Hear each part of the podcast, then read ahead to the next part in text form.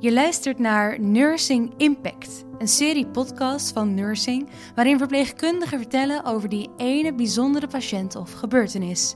In deze podcast vertelt nachtverpleegkundige Chantal Wolken over hoe ze s'nachts een jong meisje begeleidde na het overlijden van haar moeder. Zo'n tien jaar geleden werkte ik uh, ook al in de thuiszorg in de nacht. En daar verzorgde ik een relatief jonge dame van een jaar of 24, 25. Die samenwoonde met haar man en haar dochtertje.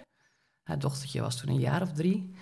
Uh, de moeder was uh, terminaal ziek, ze had kanker. En wij werden daar ingezet omdat de vader overbelast dreigde te raken. De moeder wilde heel graag thuis blijven, want ja, ze wilde nog zo lang mogelijk genieten van haar dochtertje. Wat mijzelf ook heel logisch lijkt. Uh, in het begin kwamen we alleen maar voor het wassen en even om het hoekje kijken hoe het ging. Maar binnen een paar weken ging zij toch behoorlijk hard achteruit. Zij wilde echt thuis blijven, wilde helder blijven. Dus ze kregen wel morfine om de pijn te onderdrukken. Er kwam een bed in de woonkamer. Ze kwam er eigenlijk niet meer af. Ze, ging, ze kon niet meer naar de badkamer. Eten en drinken werd minder. Maar alles voor haar dochtertje. Dat was wel super mooi om te zien. Het dochtertje accepteerde dat eigenlijk ook vlekkeloos. Die kroop bij moeders in bed.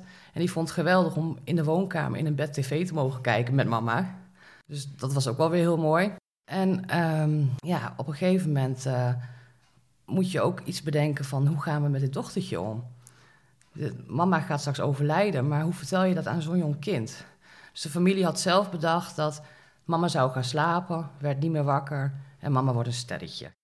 De desbetreffende nacht dat mevrouw overleed, was ik aan het werk, werd ik gebeld door de partner. Hij uh, vroeg aan mij van, wil jij misschien het dochtertje wakker maken? Heb ik gedaan en vertelde dat mama was gaan slapen en niet meer wakker werd. Waarop het dochtertje um, ja, eigenlijk heel op een enthousiaste manier nog reageerde van...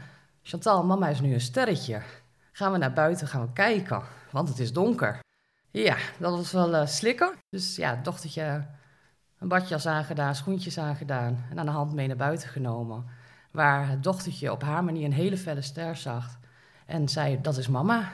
Ik heb echt met een brok in mijn keel naast het meisje gestaan.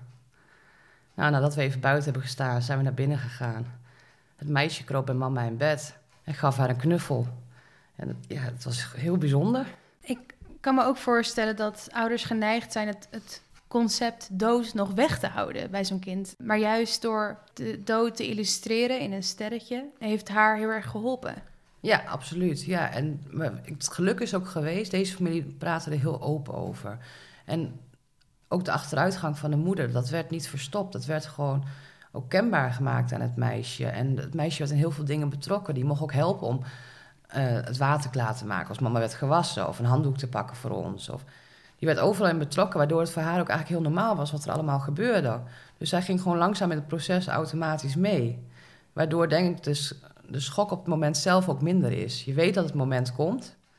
En ik denk dat voor de vader en voor de zorgverleners en de rest van de familie de schok erger was op dat moment dan voor het meisje zelf. Want het meisje wist, mama gaat een keer slapen en wordt niet meer wakker. En zij benoemde ook zo bewust op dat moment van het is donker. Mama is een sterretje, gaan we kijken. Dat was heel normaal. Ik denk dat wij als volwassenen heel vaak proberen om... Wij willen alles heel goed doen, maar daarom maken we soms het ook heel complex. En als je kijkt hoe simpel dit eigenlijk is, iets vertellen, mama gaat slapen, wordt niet meer wakker, wordt een sterretje, en wat voor resultaat het oplevert, dan denk ik van soms zijn we veel te moeilijk met elkaar aan het doen. En soms moet je misschien ook wat makkelijker accepteren hoe de situatie is, het een plekje geven en ermee omgaan. Had je voorbereid hoe jij het ging brengen aan nee, meisje? Nee, ik weet ook niet of ik dat kan. Het is denk ik de situatie op dat moment. En het verliep allemaal zo rustig en het ging eigenlijk vanzelf. Ik had meer achteraf dat ik erover na ging denken en dat je dan zelf een beetje de bibbers krijgt van, oh, dit is toch wel heel heftig wat hier gebeurde. Ik heb ook echt in de auto wel even zitten huilen van, uh, van de emoties die bij mij loskwamen. Wat ging er door je heen? Uh, aan de ene kant opluchting, want ik zag dat die moeder heel hard heeft gevochten. Dus het was een soort van opluchting dat zij niet meer hoefde te vechten en dat zij een stukje rust had gekregen. Maar uh, ja, ook wel, wel een soort van verdriet van je laat wel een, een, meisje achter zonder mama nu. En wat herinnert zij zich later nog van mama? Hoe heeft jouw verwerkingsproces er hierin uitgezien? Ja, ik denk dat ik soms wel heel nuchter kan zijn. Uh, Ik kan het daarna ook heel makkelijk afsluiten. We hebben dat met collega's erover gesproken. Nou, dat was heel fijn, want je kan op dat moment ook echt emoties met elkaar delen en ze ook gewoon laten gaan, je emoties. Ik merk wel dat het voor mij wel heel belangrijk is om een team te hebben waar ik me echt thuis in voel, waar ik ook echt mezelf kan zijn. Ik heb ook meegemaakt dat ik dat gevoel toch een stukje miste en dan creëer je toch ook een afstand voor jezelf. Maar ik merk wel als ik in een team zit waar ik me goed voel en waar ik mezelf kan zijn en waar we met elkaar kunnen lachen en huilen, dat het mijn werk ook makkelijker maakt. En we hebben op dat moment ook gelachen, want je maakt ook binnen een gezin met een jong kind natuurlijk grappige dingen mee in die paar weken. En daarna zijn we naar de begrafenis geweest en toen was het voor mij ook wel goed.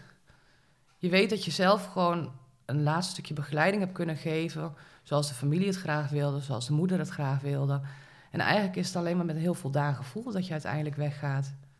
Wat zou je daarin mee willen geven aan andere verpleegkundigen? Laat je emoties zien. Je bent een mens. En wij zijn er om, om anderen te verzorgen en te begeleiden. Maar vergeet absoluut niet dat je zelf mens bent met een gevoel. En deel met je collega's. Denk je dat het te weinig gebeurt soms? Ja. En ik denk dat dat ook een valkuil is van ons. Uh, we werken allemaal natuurlijk relatief zelfstandig, wordt ook van ons verwacht. Maar je hebt collega's waar je op terug kan vallen en maak daar gebruik van. Want dat ben je nodig. Ben jij verpleegkundige en heb je tijdens je werk ook iets bijzonders meegemaakt waarover je wil vertellen in een podcast? Mail je verhaal naar nursing.bsl.nl.